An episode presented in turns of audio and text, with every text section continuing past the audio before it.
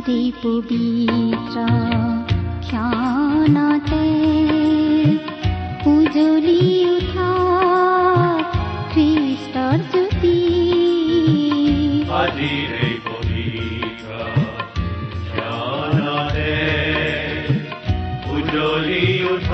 Bible অধ্যয়নৰ এই শিক্ষামূলক অনুষ্ঠান ভক্তি বচনলৈ আপোনাক ওলগ জনাইছো। তোমাৰ কাষলে আহিছো পিতা আজি মোক জিৰণি দিয়া। তোমাৰ কৰোণা মাগিছো পিতা তুমি মোক কাবতি লোৱা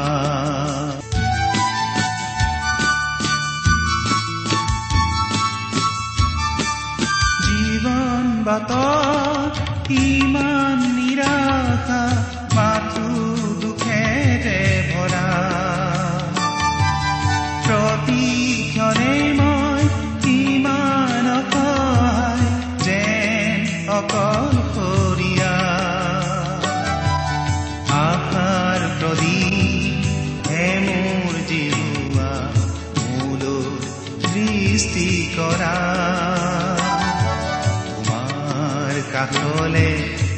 আহিছো পিতা আজি মোক জিৰণি দিয়া তোমাৰ কৰোণা মাগিছো পিতা তুমি মোক সাৱতি লোৱা তুমি মোক জিৰণি দিয়া তুমি মোক সাৱতি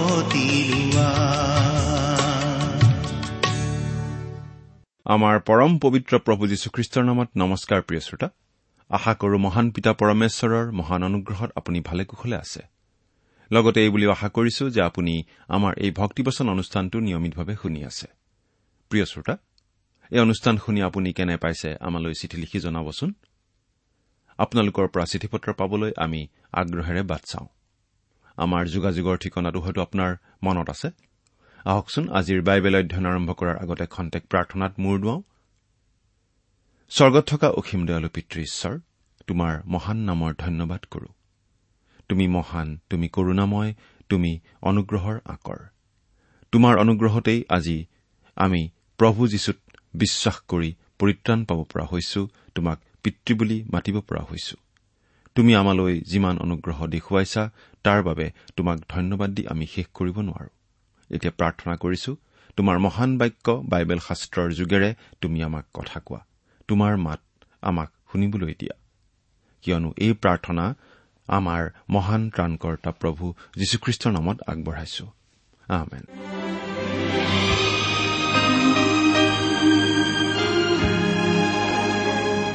প্ৰিয় শ্ৰোতা আপুনি বাৰু আমাৰ আগৰ অনুষ্ঠানটো শুনিছিল নে আমি বাৰু কি অধ্যয়ন কৰিছিলো আপোনাৰ মনত আছেনে? যদিহে শুনিছিল তেনেহলে আপোনাৰ নিশ্চয় মনত আছে যে আমি যোৱা অনুষ্ঠানত বাইবেলৰ এখন পুস্তকৰ অধ্যয়নৰ সামৰণি মাৰিছিলো। গতিকে আজিৰ অনুষ্ঠানত আমি বাইবেলৰ আন এখন পুস্তকৰ অধ্যয়ন আৰম্ভ কৰিম।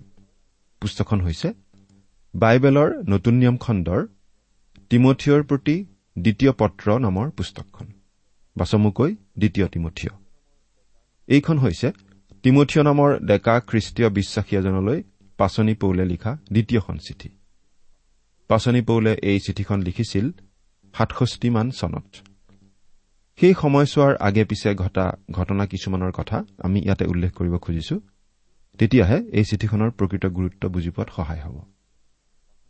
আঠাৱন চনমানত পাচনি পৌলক জিৰচালেমত গ্ৰেপ্তাৰ কৰা হৈছিল। এষষ্ঠি চনমানত তেওঁ ৰোমত উপস্থিত হৈছিল। এই তিনিবছৰ কাল তেওঁ জেলতেই কটাব লগা হৈছিল আৰু বেলেগ বেলেগ বিচাৰক আৰু শাসনকৰ্তাৰ আগত তেওঁৰ এখন এখনকৈ বিচাৰ হৈছিল। এষষ্ঠিৰ পৰা তেষষ্ঠি চন। এই সময়ছোৱাত পাচনি পৌলে প্ৰথমবাৰৰ বাবে ৰুমিয়া কাৰাগাৰত কাৰাবৰণ কৰিছিল। এই সময়ছোৱাৰ বৰ্ণনা আমি পাচনি কৰ্ম পুস্তকত নাপাওঁ। তেওঁৰ সেই কাৰাবৰণ আৰম্ভ হোৱা সময়লৈকেহে আমি বৰ্ণনা পাওঁ। চৌষষ্ঠিৰ পৰা সাতষষ্ঠি চন। পৌলক বন্দীশালৰ পৰা মুকলি কৰি দিয়া হৈছিল। এই সময়ছোৱাৰ ভিতৰতে তেওঁ বহু ঠাই ঘূৰিছিল আৰু এই সময়ছোৱাতে তেওঁ মাকিদনিয়া নামৰ ঠাইৰ পৰা তিমঠিয়লৈ লিখা প্ৰথমখন পত্ৰ আৰু তীতৰ প্ৰতি লিখা পত্ৰখন লিখিছিল। সাতষষ্ঠি চন। পৌলক আকৌ গ্ৰেপ্তাৰ কৰা হৈছিল। আঠষষ্ঠি চন। ৰোমত পৌলক মৃত্যুদণ্ড বিহা হৈছিল। তেওঁক শিৰচ্ছেদ কৰা হৈছিল। মৃত্যুৰ আগে আগে তেওঁ এই পত্ৰখন লিখিছিল। তিমঠিয়লৈ লিখা দ্বিতীয় পত্ৰ। দুটা পদে এই পত্ৰখনিৰ মূল বক্তব্য দাঙি ধৰে আৰু পত্ৰখনিৰ প্ৰকৃত আৰম্ভণি ঘটায়। সেই পদকেইটা হৈছে তুমি নিজকে পৰীক্ষাসিদ্ধ লোক লাজৰ যোগ্য নোহোৱা কৰ্মচাৰী আৰু সত্যৰ বাক্য ঠিকৰূপে বিভাগ কৰাত নিপুণ লোক কৰি ঈশ্বৰৰ আগত উপস্থিত কৰিবলৈ যত্ন কৰা। দ্বিতীয় তিমঠিয় দুই অধ্যায় পোন্ধৰ পদ। আৰু তুমি বাক্য ঘোষণা কৰা সময়ত আৰু অসময়তো উৎসাহী হোৱা সম্পূৰ্ণ চিৰসহিষ্ণুতা আৰু উপদেশেৰে অনুযোগ কৰা ডবিওৱা আৰু উদগোৱা। দ্বিতীয় তিমঠিয় চাৰি অধ্যায় দুই পদ। আমি ভাবো এই পত্ৰখনত আন সকলো শব্দতকৈ এটা শব্দত আমি অধিক গুৰুত্ব দিব পাৰোঁ। শব্দটো হৈছে বাধ্যতা বা আনুগত্য। ইংৰাজীত লয়েলটি প্ৰথমতে দুখ ভোগ আৰু কষ্ট সহনত আনুগত্য প্ৰথম অধ্যায়। দ্বিতীয়তে পৰিচৰ্যা আৰু সেৱা কাৰ্যত আনুগত্য দ্বিতীয় অধ্যায়। তৃতীয়তে শেষকালৰ ধৰ্মভ্ৰষ্টতাৰ মাজত আনুগত্য। তৃতীয় অধ্যায়ৰ পৰা চতুৰ্থ অধ্যায়ৰ পাঁচ নম্বৰ পদলৈ। আৰু চতুৰ্থতে সকলোৰে দ্বাৰা পৰিত্যক্ত হোৱা খ্ৰীষ্টীয় বিশ্বাসী দাসৰ প্ৰতি ঈশ্বৰৰ বিশেষ আনুগত্য। চতুৰ্থ অধ্যায় ছয় নম্বৰ পদৰ পৰা শেষ পদলৈকে। আন সময়ত কোৱা কথাতকৈ মানুহে মৰণ শয্যাৰ পৰা কোৱা কথাত এটা বিশেষ ধৰণৰ গুৰুত্ব আৰোপ কৰা হয়। এই বিষয়টোৱেই এই দ্বিতীয় তিমঠীয় পত্ৰখনক এটা বিশেষ গুৰুত্ব প্ৰদান কৰিছে। এইখনেই হৈছে পাচনি পৌলৰ শেষ চিঠি। তেওঁ কৈ যোৱা শেষ কথা। ইয়াত অলপ দুখৰ ভাৱ ফুটি উঠিছে যিটো আন আন পত্ৰবোৰত লক্ষ্য কৰা নাযায়। কিন্তু ইয়াত বিজয় উল্লাসৰ সুৰো অতি স্পষ্টভাৱে শুনা যায়।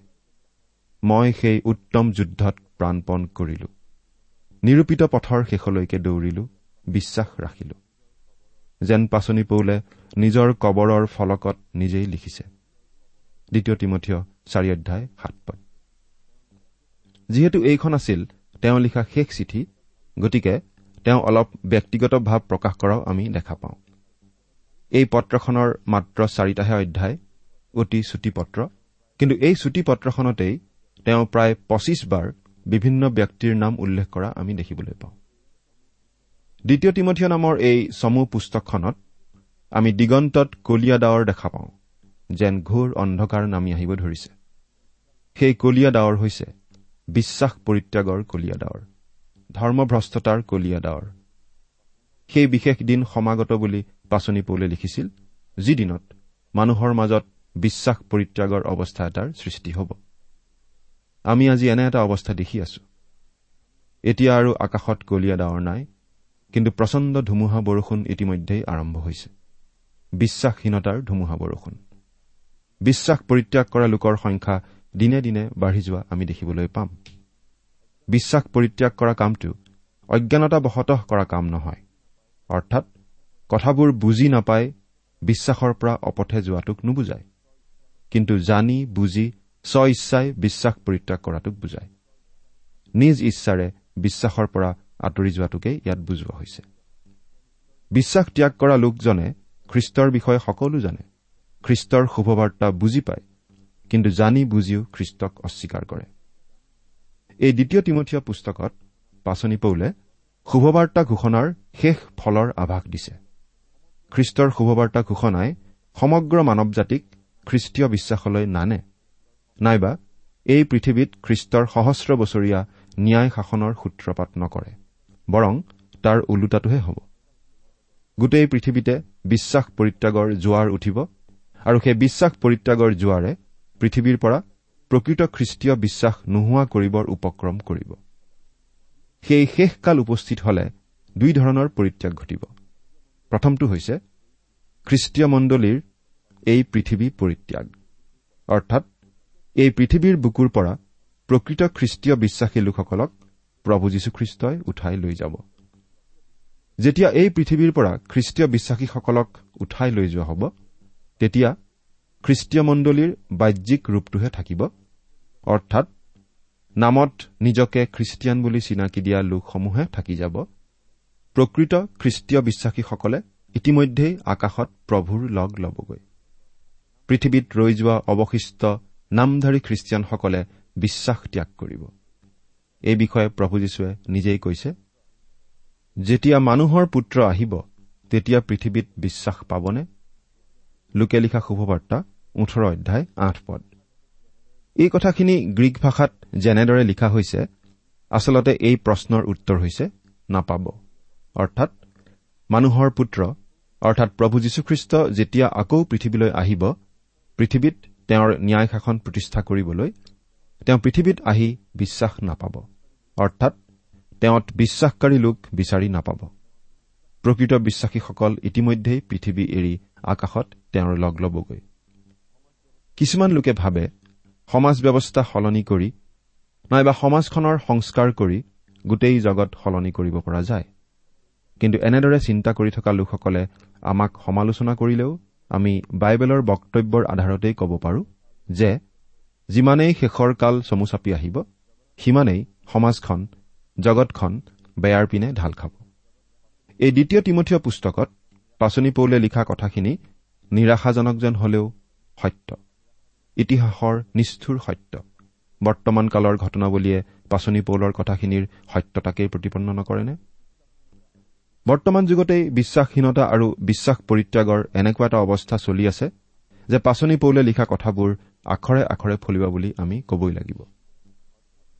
দৃশ্যমণ্ডলী অৰ্থাৎ আমি চকুৰে দেখি থকা মণ্ডলীয়ে বিশ্বাস পৰিত্যাগৰ ভয়ানক কক্ষপথত ইতিমধ্যেই সোমাই পৰিছে। কিন্তু অদৃশ্য মণ্ডলী অৰ্থাৎ যীশুখ্ৰীষ্টৰ প্ৰকৃত বিশ্বাসীসকল ইয়াৰ দ্বাৰা প্ৰভাৱিত হোৱা নাই। অদৃশ্য মণ্ডলী অৰ্থাৎ প্ৰকৃত খ্ৰীষ্টীয় বিশ্বাসীসকলৰ সমষ্টি এতিয়াও এই পৃথিৱীতে আছে। কাৰণ এতিয়ালৈকে এই অদৃশ্য মণ্ডলীক পৃথিৱীৰ পৰা উঠাই নিয়া হোৱা নাই। কিন্তু এদিন এই যুগৰ অন্ত পৰিব আৰু খ্ৰীষ্টীয় বিশ্বাসী সকলোকে পৃথিৱীৰ পৰা উঠাই লৈ যোৱা হ'ব প্ৰভু যীশুৰ ওচৰলৈ। আজি আমি যেনেকুৱা এটা পৰিৱেশত বাস কৰি আছো তাৰ মাজত এই বিশেষ আশাব্যঞ্জক কথাটোৱে আমাৰ মনত যথেষ্ট আনন্দ দিয়ে। যিমানেই শেষকাল ওচৰ চাপিব সিমানেই বিশ্বাস পৰিত্যাগ কৰা কামো বাঢ়ি যাব।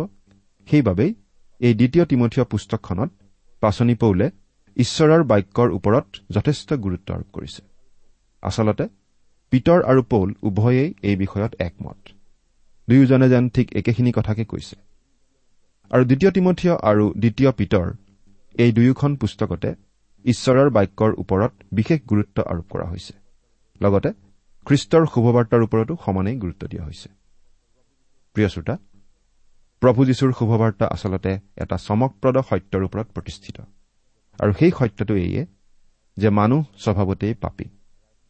অৰ্থাৎ মানুহ হৈছে হেৰাই থকা পাপী অপথে গৈ থকা পাপী ধ্বংসৰ পথৰ পথিক।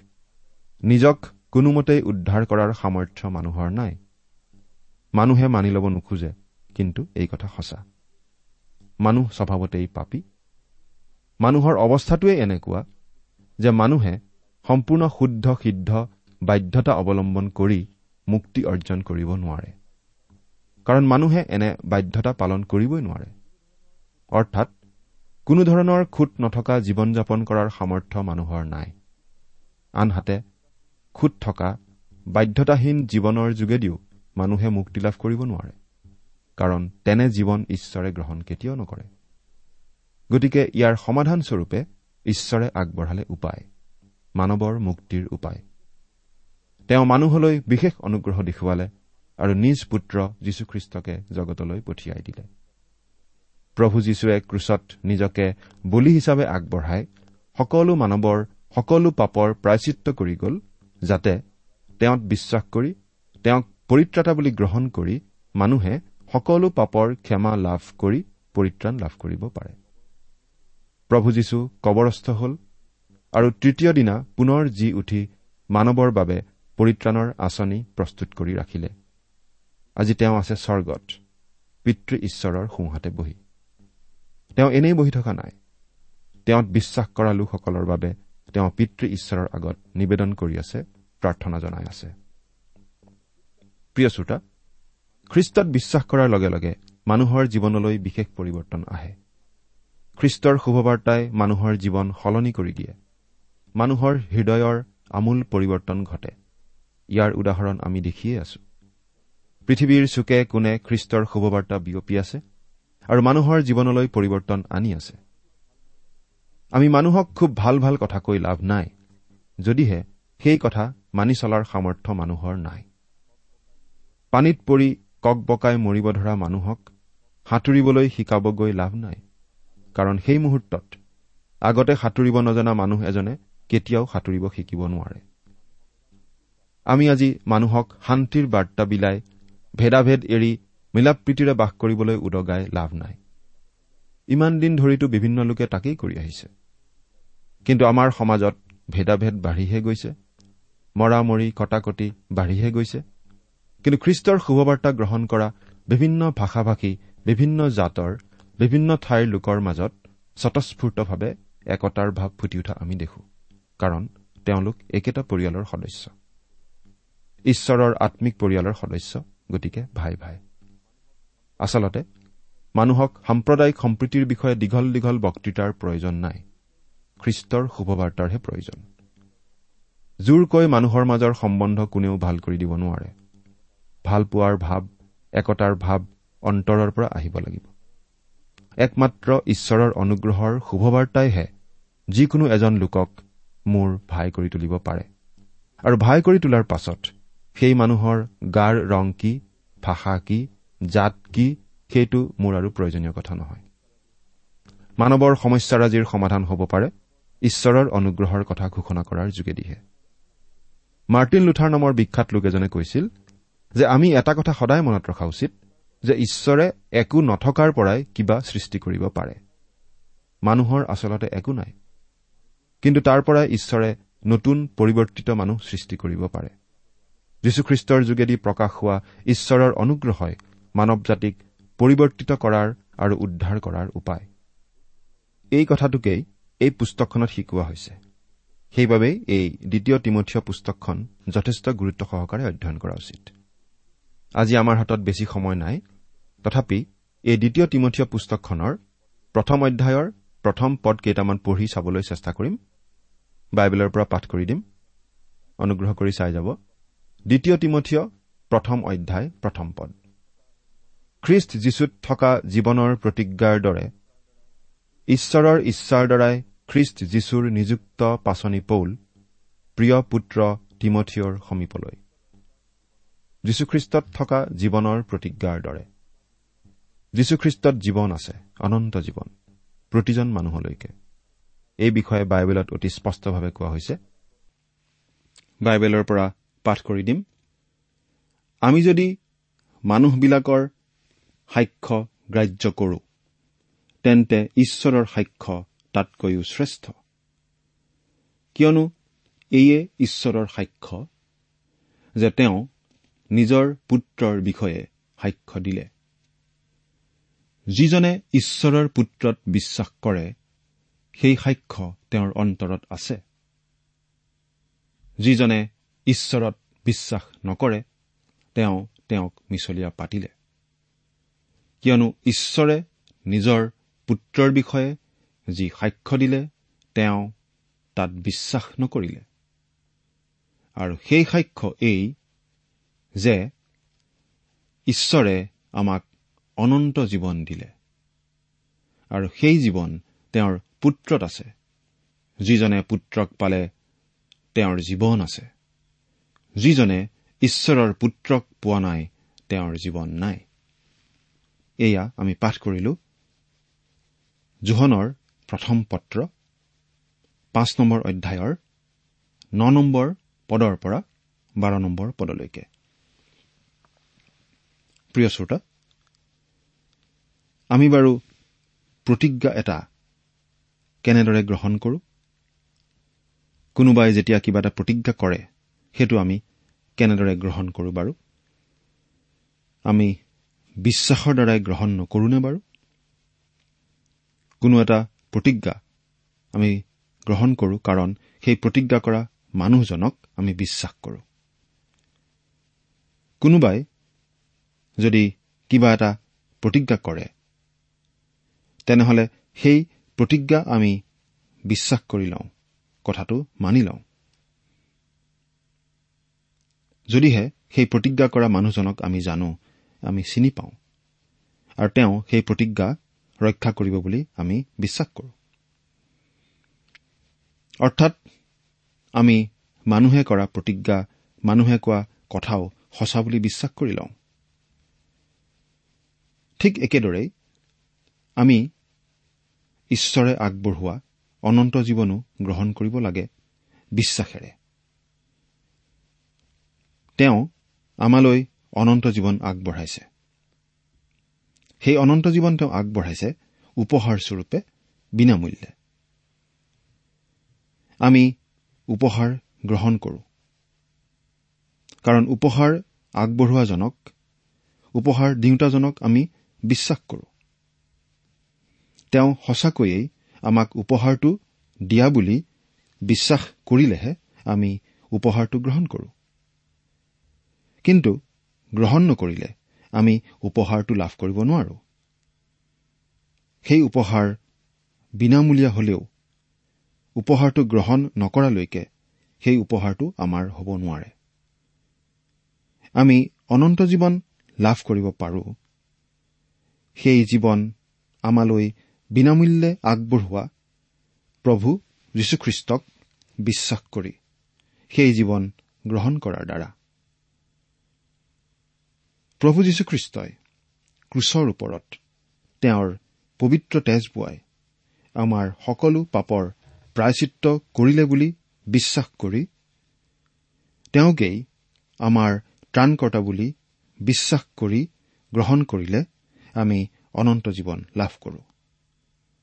তেওঁৰ ওপৰত কৰা বিশ্বাস আৰু ভৰসাৰ ভিত্তিতেই আপোনাক তেওঁ আজি স্বৰ্গত বাস কৰাৰ অধিকাৰ দিব পাৰে। যেতিয়া আপুনি প্ৰভু যীশুখ্ৰীষ্টক বিশ্বাস কৰি তেওঁৰ কাষলৈ আহে তেতিয়া আচলতে কি কৰা হয় জানেনে প্ৰিয় শ্ৰোতা? যেতিয়া আপুনি প্ৰভু যীশুখ্ৰীষ্টক বিশ্বাস কৰে তেতিয়া তেওঁক আপুনি সন্মান দেখুওৱা হয়। কিন্তু যেতিয়া আপুনি প্ৰভু যীশুখ্ৰীষ্টক অবিশ্বাস কৰে তেতিয়া তেওঁক আপুনি অসন্মান কৰাৰ নিচিনা হয়। তেওঁক আপুনি মিছলীয়া বুলি কোৱাৰ নিচিনা হয়। আৰু সেইকাৰণে বাইবেলে আমাক এইটো শিকাইছে যে সকলোতকৈ ডাঙৰ পাপ হৈছে খ্ৰীষ্টক প্ৰত্যাখ্যান কৰা। কাৰণ খ্ৰীষ্টক প্ৰত্যাখ্যান কৰা মানে ঈশ্বৰক মিছলীয়া বুলি কোৱাৰ নিচিনা হয়। প্ৰভু যীশুতেই অনন্ত জীৱনৰ প্ৰতিজ্ঞা আছে। সেই প্ৰতিজ্ঞাৰ লৰচৰ নহয়। যদিহে আপুনি তেওঁক গ্ৰহণ কৰে আপুনি অনন্ত জীৱন লাভ কৰিবই। এই প্ৰতিজ্ঞা স্বয়ং ঈশ্বৰে কৰিছে। খ্ৰীষ্ট যীশুৰ নিযুক্ত পাচনি পৌল। পাচনি পৌল যীশুখ্ৰীষ্টৰ মূল বাৰজন শিষ্যৰ মাজৰ নাছিল। কিন্তু তেওঁক প্ৰভু যীশুৱে বিশেষভাৱে নিৰ্বাচন কৰি পাচনি হিচাপে নিযুক্ত কৰিছিল। তেওঁক নিযুক্ত কৰিছিল পৰজাতি অৰ্থাৎ অনাজিহুদী লোকসকলৰ মাজত শুভবাৰ্তা ঘোষণা কৰিবলৈ। কিন্তু সেই কাম পিতৃ ঈশ্বৰৰ ইচ্ছাৰ দ্বাৰাই হৈছিল। পিতৃ ঈশ্বৰৰ ইচ্ছা অনুসাৰেই প্ৰভু যীশুৱে পৌলক পাচনি হিচাপে নিযুক্ত কৰিছিল। প্ৰিয় পুত্ৰ তিমঠিয়ৰ সমীপলৈ এই পত্ৰখন পাচনি পৌলে লিখিছিল তিমঠিয়লৈ তেওঁ তিমঠিয়ক প্ৰিয় পুত্ৰ বুলি সম্বোধন কৰিছে। পাচনি পৌলৰ যোগেদিয়ে তিমঠিয়ই প্ৰভু যীশুৰ শুভবাৰ্তা শুনি প্ৰভু যীশুক ত্ৰাণকৰ্তা বুলি গ্ৰহণ কৰিছিল আৰু সেইবাবেই তেওঁ তিমঠিয়ক প্ৰিয় পুত্ৰ বুলি সম্বোধন কৰিছে। পিতৃ ঈশ্বৰ আৰু আমাৰ প্ৰভু খ্ৰীষ্ট যীশুৰ পৰা অনুগ্ৰহ দয়া আৰু শান্তি তোমালোকলৈ হওক। পিতৃ ঈশ্বৰৰ পৰা আমি অনুগ্ৰহ দয়া আৰু শান্তি লাভ কৰো। ঈশ্বৰে আমাক দয়া কৰিলে কাৰণ আমি পাপৰ শাস্তি পাবৰ যোগ্য আছিলো যদিও তেওঁ আমাক সেই শাস্তি দিয়া নাই।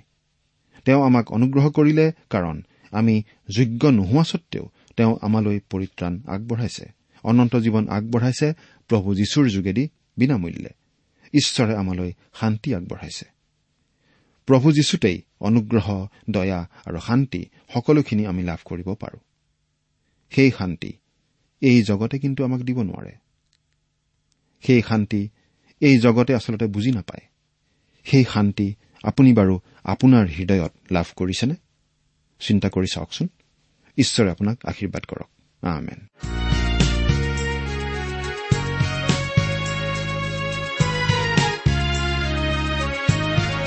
প্ৰিয় শ্ৰোতা ইমান পৰে আপুনি বাইবেল শাস্ত্ৰৰ পৰা ঈশ্বৰৰ বাক্য শুনিলে। এই বিষয়ে আপোনাৰ মতামত জানিবলৈ পালে আমি নথৈ আনন্দিত হ'ম।